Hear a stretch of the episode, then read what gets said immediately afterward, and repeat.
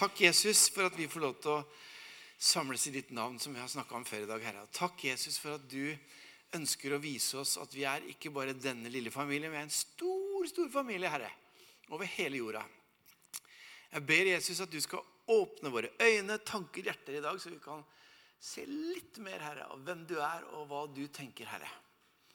I Jesu navn. Amen. Amen. Så fint. Det er like spennende hver gang om disse her teknikkgreiene virker. altså. Men eh, det ser sånn ut. Jeg har tenkt å snakke om Jesus i dag. Jeg. Er det overraskende? Jeg skal snakke om kristne som blir forfulgt, men da må jeg snakke om Jesus. Eh, og det jeg hadde lyst til å snakke om, det er at Jesus er til stede i verden ved sin ånd, men også fortsatt ved sin kropp. Hvordan kan jeg si det? Det skal jeg komme litt inn på etter hvert. Det er på en måte lett å tenke at Jesus er til stede ved sin ånd. Det er han, det vet vi, ikke sant? Eh, og når vi snakker om Jesus, og når vi tilber, så tenker vi jo oftest i forhold til den åndelige dimensjonen. Og vi kan jo merke hans tilstedeværelse gjennom sin ånd. Både når vi er samla, men også faktisk aleine. Noen ganger kanskje han hvisker en ting til oss som vi ikke har tenkt på. Eh, og leder oss gjennom livet, styrker oss når vi har det vanskelig. For det, livet kan være ganske tøft innimellom. Men når vi synger og lovsynger Jesus, så tror jeg oftest at når vi hyller han som konge, så tenker vi liksom på Jesus som ånd. Og det er riktig. Det er helt riktig å gjøre det. Men, og Jesus han sier jo i Johannes 14 18-20. Rett før han skal dra opp til himmelen, så har han samla disiplene. Og så sier han, 'Jeg skal ikke la dere bli igjen som foreldreløse barn.' 'Jeg kommer til dere.' Om en liten stund så ser ikke verden meg mer, men dere ser meg, for jeg lever, og dere skal også leve. Og den dagen skal dere skjønne at jeg er i min far, og dere er i meg, og jeg i dere. Her blir vi altså tatt inn i det guddommelige fellesskapet gjennom Den hellige ånd. Fordi Gud er fellesskap, og vi blir en del av det fellesskapet når vi tilhører Kristus og tror på Han. Det var Den hellige ånd som han snakker om her, som han, skal, som han skulle sende. Men Jesus er også til stede i dag gjennom sin kropp. Og hvor er den kroppen? Ja, Den ser jeg her, blant annet. Jeg ser en liten del av Jesu kropp her jeg står nå. Og hvis jeg ser her, så ser jeg litt mer òg. Og hvis jeg ser rundt på i verden, så ser jeg mer og mer av hans kropp. Og så tenkte jeg på det Det ble nevnt tidligere her også at Jesus sier jo at det er to eller tre samlet i mitt navn, er jeg midt iblant dere. Hvorfor sier han det? Hvorfor er det liksom så viktig at det er to eller tre? Er det fordi han ikke bare tenker på tilstedeværelsen sin gjennom sin ånd, men også gjennom sin kropp. Henger dere med nå? Fordi når to eller tre er samlet i hans navn, så er også en del av kroppen hans der. Ikke bare ånd, men også kropp. Fordi kirken er Kristi kropp på jorda. Og Paulus han sier noe veldig flott i 1. Korinterbrev 12. For om ett lem lider, da lider alle de andre med. Og om ett lem blir hedret, da gleder alle de andre seg. Jeg er ikke så sikker på at det alltid er sånn. Kanskje vi noen ganger kanskje blir litt misunnelige til og med hvis noen blir hedra. Men egentlig, når en av oss blir hedra, så er det ikke bare den som blir hedra, men det er Kristus, og det er oss som et fellesskap som blir hedra. Dere er Kristi legeme, og da snakker han til de kristne. Og hver enkelt av dere er hans lemmer. Og så er det jo sånn med et legeme at det fungerer ikke hvis lemmene ligger hver for seg. Hvis armen ligger alene der borte, så kan ikke den armen gjøre noe som helst. Eller hvis det ligger en fot der, så kan ikke den gjøre noe som helst. Det var litt makabert, det var ikke sånn jeg mente, det, men dere skjønner bildet. Men Kristus er hodet. Og gjennom ham så kommer det signaler til de bitene i legemet som er ulike, som har ulike funksjoner. Men det er en forutsetning, og det er at de legemsbitene henger sammen. Og her er det et ganske stort alvor i forhold til hvis vi ser på den globale kirke. Fordi hvis ikke vi som kirker og som kristne henger sammen, så fungerer ikke Kristi legeme i verden. Tenk på det. Vi er kalt til å henge sammen. Og jeg tror dette er en dyp hemmelighet som vi trenger å gjenoppdage og forstå litt. Og kanskje særlig i vår kultur, fordi vi har blitt så veldig individualistiske. Vi snakker mye om meg og Jesus, og Jesus og meg, og han bor i meg, og jeg bor i han. Ja, det er sant, det. Men han er også i oss, som én kropp. Og det kan være litt utfordrende òg, fordi vi, ikke, vi må jo være helt ærlige og si det er jo noen ganger vi irriterer oss litt over hverandre. er det ikke det? Det er Noen ganger ikke vi liker hverandre, det er noen ganger vi blir sinte på hverandre og sure på hverandre. Det kan skje både i ekteskap og familie, men det kan jammen skje i menigheten òg. Men det endrer ikke på stillingen vår. Vi er ett i Kristus Jesus. Og vi er ikke bare ett med vår lokale menighet, men vi er ett med den verdensvide kirke. Og tenk det, når Paulus, eller Saulus som han het først, var på vei til Damaskus og han, eh, Dere kjenner historien sikkert, hvor han ser dette lyset fra himmelen. Han hører en røst. Han faller av, faller av hesten, eller faller til jorden i hvert fall. Om han var satt på hest, står det ikke noe, men han faller i hvert fall til jorden. Og han hører en røst som sier, 'Saul, Saul, hvorfor forfølger du meg?' Hvorfor forfølger du meg? Det var jo de kristne han forfulgte. Men Jesus identifiserer seg 100% med sin kropp som fortsatt er på jorda. Ikke den kroppen som han har reist opp til himmelen med, men hans kirke. Vi er Kristus i verden. Ikke bare vi, men hele hans menighet. Og så sier Jesus litt seinere i Johannes 15, 18-20a Nå, om verden hater dere skal dere vite at den har hatet meg først. Hadde dere vært av verden, hadde verden elsket sitt eget. Men dere er ikke av verden. Og der kunne han sagt, dere er av meg, egentlig. For jeg har utvalgt dere fra verden. Det er derfor verden hater dere. Husk at jeg sa til dere, en tjener er ikke større enn sin herre. Har de forfulgt meg, vil de også forfølge dere. Og dette her er en sannhet som mange kristne i dag opplever helt konkret. Det finnes kristne i Norge også som opplever lidelse for Kristi skyld. Det gjør det.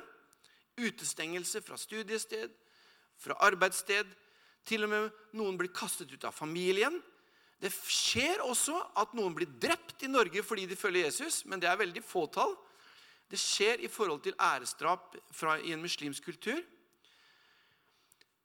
Men lidelsen som Kirken må gå igjennom Og da er det ikke den, den lidende kirke liksom der borte, og så er det vi her.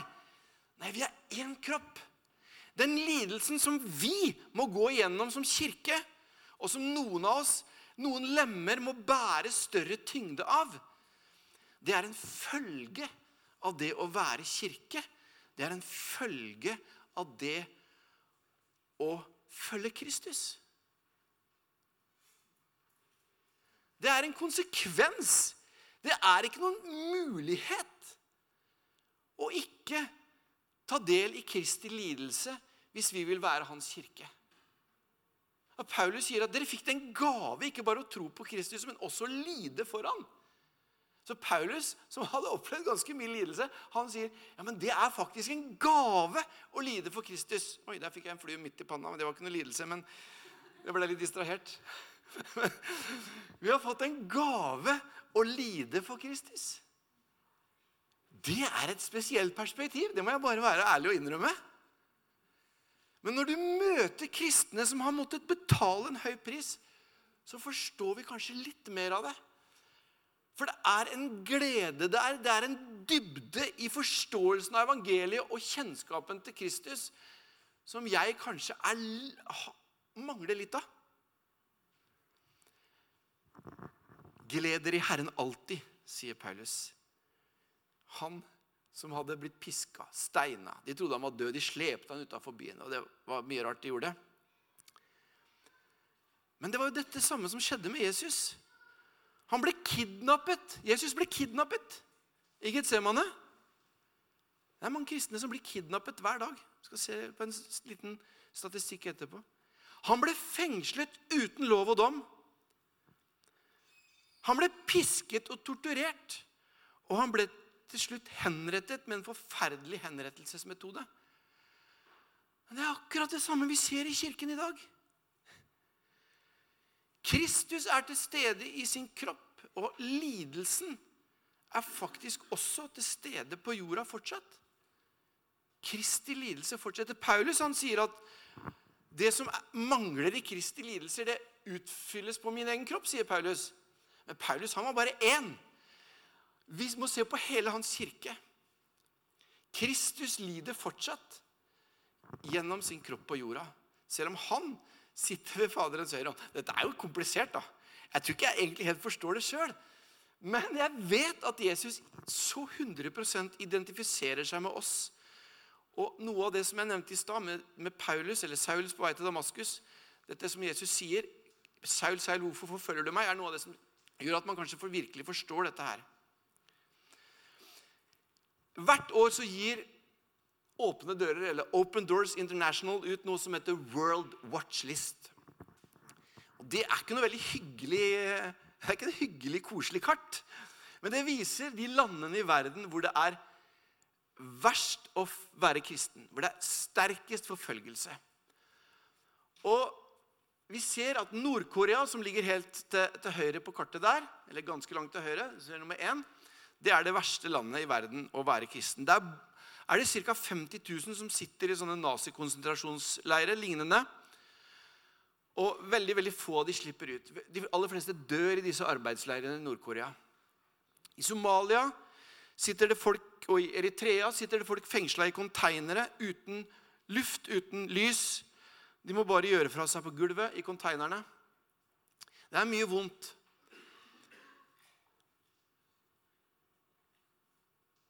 Men det er ikke en lidelse som er en lidelse for lidelsens skyld.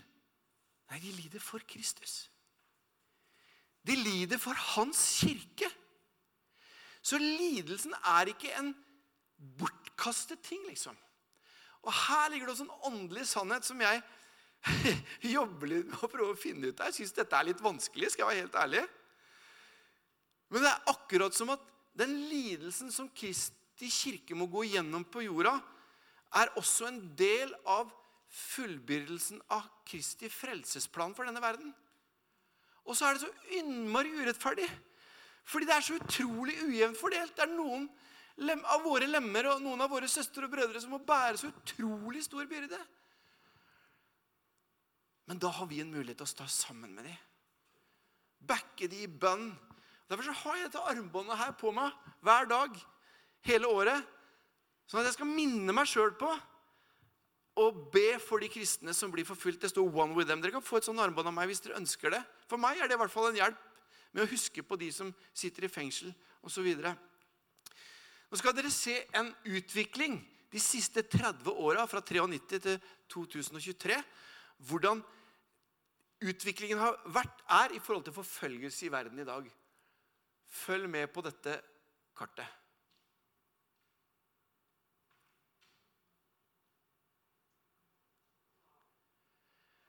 Bare på de siste ti åra har antallet kristne som bor i områder hvor det er sterk eller ekstrem forfølgelse, økt eller dobla seg. Og faktum er at hver dag, gjennomsnittlig, så er det 15 kristne som blir drept for sin tro. Tolv av de befinner seg i Nord-Afrika. Eller ikke i Nord-Afrika, men nord i Nigeria, faktisk. Hver dag. Seks kirker blir angrepet gjennomsnittlig hver dag. Brent ned, ødelagt, ramponert. Tolv kristne blir hver dag fengslet uten lov og dom. Og 14 kristne blir bortført, og av de er det mange barn og unge. Kanskje fordi pappaen er pastor. sender foreldrene tre barn på skolen, og så kommer det to hjem igjen. Så får de aldri svar på hvor den siste ble av. Og jeg som har barn sjøl, jeg tenker hvordan kan man klare å stå i det? Ja, Da må vi i hvert fall løfte blikket og se på Kristus. Han som er troens opphav, som han har fullender. Han som ikke brydde seg om vanæren, men tålte korset for vår skyld. Så er det ikke sånn at det noen må lide her i verden, er liksom slutten. Nei, Paulus han sier i Romerne 8 at jeg mener at det vi må lide Og han hadde lidd mye i denne verden. Det er for ingenting å regne mot den herlighet som en gang skal åpenbares og bli vår. Og vet dere, Jeg tror vi trenger i vår tid å forkynne himmelen og evigheten i større grad. Fordi vi kommer til å oppleve det mer også som lemmer i Norge. At det koster å følge Jesus. Og Paulus han sier videre i Kolossebrevet 1,24.: Nå gleder jeg meg over mine lidelser for dere. Jeg sa det i sted, nevnte det i stad. Og det som ennå mangler i Kristi lidelser, utfyller jeg på min egen kropp. Jeg lider for hans kropp, altså Kristi kropp, som er kirken. Takk for at Paulus led. Takk for at han skrev alle disse brevene, stort sett i fengsel. Og takk for at vi får lov til å være velsigna av den fantastiske teologien i dag. Fordi Paulus han har skjønt mye. Dette verset nevnte jeg i stad. For Kristi skyld fikk dere den nåde ikke bare å tro på ham, men også lide for ham. Så skal dere få møte ei dame som heter Bay fra Nord-Korea. Og Bay hun har opplevd mye tøft. Men hun sier så mye flott i denne lille filmsnutten som jeg tenker at vi har godt av å grunne på. Vær så god.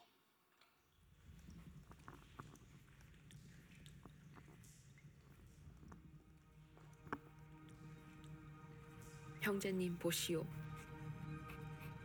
우리는 주님의 은혜와 여러분의 은혜로 평안하게 잘 지내고 있습니다. 이 글을 쓰는 이 순간 내래 마음이 무겁습니다. 우리가 결코 보답할 수 없는 선물을 여러분들에게서 받았기 때문입니다. 우리가 갖고 있던 성경책은 발각되는 순간 처리되었습니다. 그리고 우리는 그리스도인이었기 때문에 머나먼 곳으로 추방되었습니다.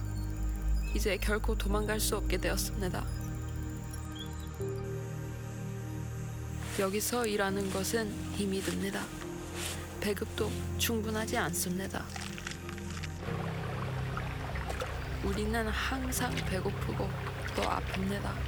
여기서는 살아남기 위해서 스스로 먹을 것을 찾아 나서야 합니다. 그러나 매일 아침 눈을 뜰 때 주 하나님의 임재를 느낍니다. 여전히 주의 종으로 섬길 수 있도록 강건하게 하시는 우리 아버지 하나님께 감사드립니다.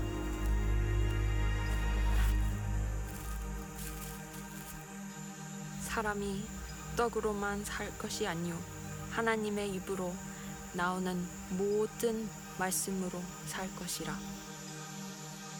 어려운 기회로 최근에 국경을 넘어 다른 그리스도인들을 만날 기회가 있었습니다. 그들은 저에게 음식과 약도 주고 또 주님의 은혜로 성경책도 주었습니다. 그곳에 있었을 때 더 머물 수 있는 기회가 있었습니다. 제가 자유로워질 수 있는 순간이었습니다. 그러나 저는 저의 가족과 교회를 저버릴 수 없었습니다. 아무리 작은 교회라도 말입니다. 여러분의 입장에서 보았을 때 우리가 고통당하는 것이 저주처럼 보일지도 모릅니다. 그러나 우리는 이것을 축복으로 압니다. 아버지께로 가는 지름길이기 때문입니다. 그러나 공교롭게도 부탁이 하나 더 있습니다. 우리를 위하여 기도하는 분들에게 우리가 얼마나 감사한 마음을 가지고 있는지 전달해 주시기를 부탁드립니다. 우리는 여기서 건강하게 잘 견디겠습니다. 그리고 북한 땅에 계속해서 주님의 복음을 전하겠습니다. 여러분의 잠에 올림.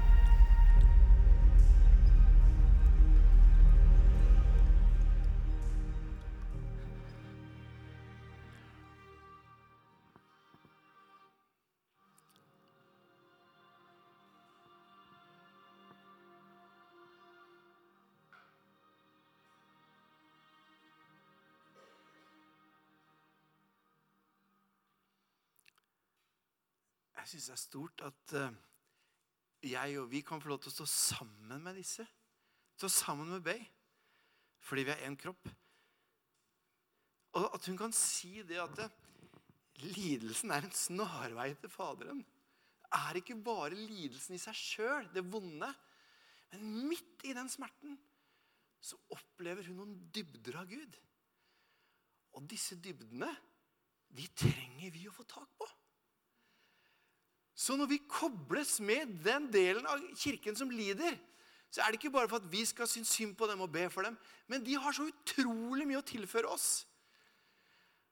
Og jeg, jeg trenger disse vitnesbyrdene så ofte, for det er så lett for meg å bli lurt i den delen av verden som jeg bor i. Og det er mange kristne som har kommet til Vesten fra land hvor de har blitt og blir forfulgt, som sier vi vil heller ha den forfølgelsen som vi opplever, enn den forførelsen som dere lever i. Og takk for at de sier det. For det gjør at jeg er nødt til å våkne opp og se hva er det egentlig som skjer i kirken i Norge og Vesten. Vi, går vi så fort på kompromiss med det Gud har sagt? Er vi så lite opptatt av Han? Som vi sang i stad. Det skulle vært mest deg, men det ble mest meg, sang vi en sang her i stad. Det det er nydelig at vi synger det, for det er viktig. Vi må være ærlige med der vi er. Det skulle vært mest han, men så blei det kanskje mest meg. Så er jeg så utrolig glad for at vi feira nattverd i dag. Dette, jeg visste ikke at dere gjorde det hver søndag, men det, det gleda meg veldig, det må jeg si. Og jeg tror at nattverden er mye, mye mer enn et jeg og Jesus-måltid, hvor jeg på en synlig konkret måte får se at jeg er tilgitt av Kristus. Jeg tror nattverden er et kirkemåltid som gjelder for oss alle på hele kloden. Det er i nattverden som feires i Nord-Korea i skjul, som feires i Somalia i skjul, kanskje med to mennesker til stede, som feires i går og i dag og i framtiden. Den binder oss sammen historisk og globalt. Det er én kirke fordi det er ett brød, og det er én kalk. Det er Kristus som gir seg selv for oss, og som forener oss i nattverden til å være hans ene kropp på jorda. Det er fantastisk. Nattvær er så bra, og Paulus han sier det i 1. Korinterbrev 10. Velsignelsens beger som vi velsigner, gir det ikke del i Kristi blod, og brødet som vi bryter, gir det ikke del i Kristi kropp. Fordi det er ett brød, er vi alle én kropp. Ikke bare vi, men hele den globale, verdensvide kirke. Vi er én kropp. For vi har del i det ene brødet, skriver Paulus. Nattverden den viser oss og gir oss del i forsoningen i Kristus. Men den gir oss også del i hans lidelse. Hans kropp som ble brutt for vår skyld, hans blod som rant for vår skyld. Og den gir oss del i kirken, som er hans kropp. Og Jesu bønn, en av de siste bønnene som han ber i Johannes 17, må de være ett, like som du er i meg og jeg er i deg, far. Må de være ett? Må det være én kropp? Det er lett for meg å identifisere meg med de som jeg aldri har møtt, som lider. Kanskje. Men det er jammen kanskje vanskelig å identifisere meg med alle i den lokale kirken. Fordi jeg kan være litt irritert. Jeg kan være uenig. Men vi er én kropp. Når du lider, så lider jeg. Jesen fra Jordan, du skal få lov til å komme opp. Jesen han er en av mine store forbilder. Og jeg er så glad for at du kom med meg hit til Mandal. Du har aldri vært i Mandal før, men det var på tide. Når kom du til Norge, Jesen? Jeg kom til Norge for uh, syv måneder siden. Og så snakker du norsk? Ja. Jesen, du kommer fra et land som heter Jordan. Og Jeg har vært der en gang, i Amman. Og der var det mye bønnerop hele døgnet, følte jeg.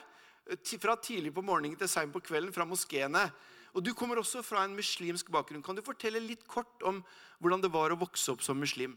Ja, uh, ja takk. Eh, Jeg vokste opp i muslimfamilie som var eh, beduiner, som Abraham var. Jeg leste mye i Koranen og, og, og be fem ganger om dagen i mosk. Så uh, jeg er uh, muslimfolk, og jeg vet eh, alle om Koranen. Så jeg, uh, jeg kan eh, lese Koranen uten Koran, så jeg bygger mye Koran. Forstår hva det Ja, Helt helt riktig. Ja. Så du, du, har egentlig, du har egentlig Koranen oppi her, du. Ja. Og så har du en bror som er koranlærer, og så har du en onkel som er imam. Men allikevel så møtte du Jesus. Og nå skal jeg bare fortelle kort hva som skjedde. Eh, Fordi jeg har eh, hørt historien til Jesen så mange ganger, så vi gjør det sånn i dag. Altså, Det som skjedde, Jesen, det var at du fikk det for deg da du var for, for noen år siden at du ønsket å lære engelsk. Og så dro du på et engelsk akademi, hvor du, hvor du også bodde i nærheten av skolen. Og under ramadan så oppdaget du at det var én gutt i klassen din som ikke fastet. Og du spurte han Han bare spiste, og du spurte hvorfor det. Og hva svarte han da? Eh, han sier for jeg uh, følger Jesus Kristus. Og da ble du sint, og du gikk til, til ledelsen på skolen og sa jeg vil ikke gå i klasse med han. Men de sa beklager, det fins ingen annen klasse. Og så oppdaget du at han mannen han var ikke sånn som du hadde hørt om kristne at de, at de var. Men du sa Hvordan var han? Eh, men han er snill med meg. Han er god, ikke eh, som jeg vet eh, om kristenfolk. Og så begynte han å fortelle deg hva som sto i Koranen. Både om Jesus og hva som sto i Bibelen om Jesus. Han kunne også Koranen ganske godt. Og så ble du interessert i, og du snakka med pappaen hans, og du med, fikk kontakt med en på nettet. Og etter hvert så begynte du å tro på Jesus Kristus. Og så, kors, og så tok du og tatoverte et kors oppå her. Ikke sant? For, og du skjulte det for familien din først. Men en dag under covid, da det var nedstengelser, og du lå hjemme og sov, så kom pappaen inn på rommet. Hva skjedde da? Uh, han sier denne kors og sier for meg uh, er du seriøs. Jeg sier ja, for jeg uh, tror Jesus min har og Jeg har mange mirakel fra Jesus. Så han blir sendt, og han uh, til min eh, bror og snakker med han. Og det snakker med eh, imam eh, i, i min by. Og, men han kommer og sier for min uh, pappa hvis det er eh, din sønn han uh, seriøs, vi må droppe han. Men han tar meg tre dager etter uh, dropp. Ja. Fordi eh, etter islamsk lov så har du tre dager på deg til å gå tilbake til islam. ikke sant? Hva gjorde de med deg de tre dagene, da? Uh, eh, først jeg respekterer fordi jeg elsker min familie. Eh, eh, jeg, vet kjenner min familie de, kan, de har ikke tid eh, for server og, og spørsmål om Jesus. for de bare i islam vi følger uh, oss. Og, uh, Foreldrene mine følger foreldre det. Så, men eh, jeg bare respekterer og sier OK. Men jeg sier det er ikke riktig, fordi jeg eh, tror om, Jesus min Herre. Og jeg ser hva skjer med meg etter jeg eh, følger Jesus. Så jeg sier nå, jeg, jeg, jeg er seriøs. Jeg, Så du valgte å holde fast på Jesus, selv om de slo deg, selv om de nektet deg egentlig å tro på Jesus. Og så klarte du å rømme. Og så kom du til slutt til Norge. Du hadde i, I ditt hjemland så hadde du restaurant, du hadde bilfirma, du hadde fine biler, du hadde masse penger, du hadde stor familie. Alt det har du mistet bare for å følge Jesus. Ja, fordi eh, Jesus eh, for meg han min veien, min uh, liv.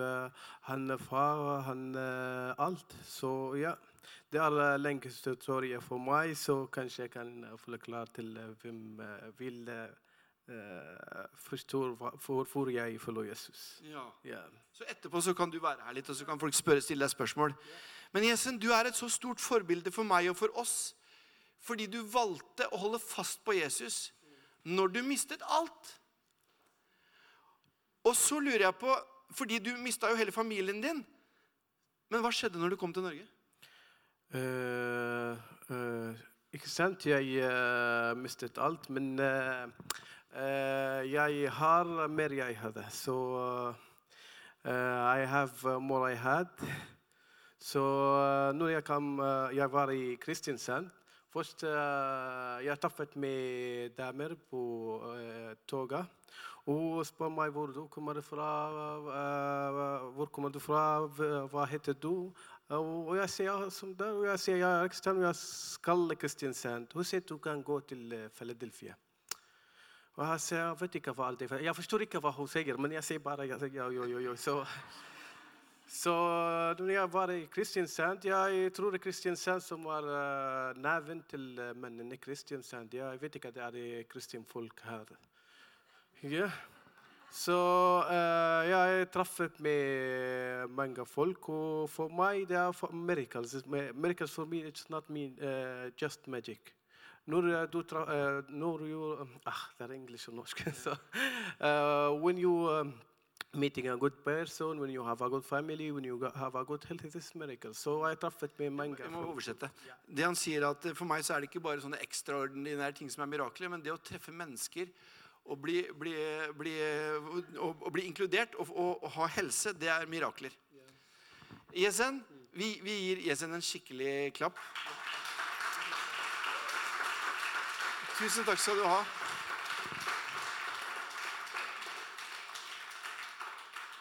Jeg kjenner flere som Jesen, som har forlatt alt for å følge han. Og det at jeg får lov å være de, tett på de, det gjør at jeg skjønner hvor utrolig rik jeg er. Dere skal få lov til å Eller jeg, jeg har lyst til å anbefale en bok for dere i dag som jeg har med. Som heter 'Daglig inspirasjon fra løvehulen'. Og Det er en andaktsbok hvor du kan lese en historie om kristne som blir forfulgt hver dag hele året. Og det gjør noe med meg. Jeg og kona mi vi har brukt denne boka sikkert i ti år. Og det har gjort noe med vårt liv. Og det, det mest fantastiske er ikke bare at vi har liksom eh, hørt om alle de vonde historiene, men i de periodene hvor vi virkelig har hatt det tøft sjøl, så har det vært en utrolig stor oppmuntring å lese om kristne som har blitt forfulgt, og som har stått igjennom. Og så har jeg lyst til å anbefale noe mer til dere. I Lyngdal 7. november og i Kristiansand 11. november så arrangerer vi fakkeltog. Hvor vi går i, med, med fakler og, og i bønn for våre forfulgte brødre og søstre og viser byene der vi bor. At vi er ikke aleine, og de er ikke aleine, men vi er én kirke, én kropp. I Lyngdal så er det oppmøte i Frikirka klokka 19.00. Og i Kristiansand så er det oppmøte på Torget lørdag 11. klokka 12.00. Da kommer eh, det bl.a. ei og synger, og så kommer begge stedene kommer det er en fra Turkmenistan som heter Batyr, som var kristen nummer syv i Turkmenistan, og som både har sittet i fengsel, blitt torturert og kasta ut av tre land fordi han følger Jesus Kristus. Så kan dere skrive dere på liste og få gratis blad. Helt uforpliktende, og dere kan stoppe det når dere ønsker det. Og hvis dere vil, så har vi noe som heter 'Når det haster'. Hvis du skriver B til nummer 2212, sender en SMS, så får du, når det er spesielle ting som skjer i verden, så får du sånne hastebønneemner rett inn på SMS-en din, så du kan være med og be for kristne som blir forfulgt. Kan jeg få lov til å be en liten bønn til slutt? Far, takk for denne kirken. Takk for Nordkirken Hall, Herre. Og takk for at vi er ikke alene. Og våre brødre og søstre i Nord-Korea, i Somalia, i Egypt er heller ikke alene. Men takk at vi er én kirke. Vi er din kropp, Herre. Hjelp oss, Herre, til å forstå dybdene i hva dette betyr. At vi er ett i deg, Jesus Kristus, som du ba. Som er ditt største ønske, at vi skal forstå, Herre. Men Hellige Ånd, vi trenger din hjelp. Fordi vi, Vi klarer ikke å skjønne det. Herre, jeg ber for oss i dag og i tiden som kommer, at du må minne oss og hjelpe oss og huske at vi som kanskje har det bedre enn mange, vi skal også få lov til å stå sammen med de som lider, for de er en del av oss. Og Jeg ber for denne menigheten, Herre. Jeg ber at du velsigner barna, ungdommene, alt som skal skje her framover. Herre, vi ber, la ditt rike komme her. La din vilje skje her som i himmelen. Det ber vi om. Jeg takker deg for denne menigheten, og jeg ber om de velsignelse over denne menigheten i Jesu Kristi navn. Amen.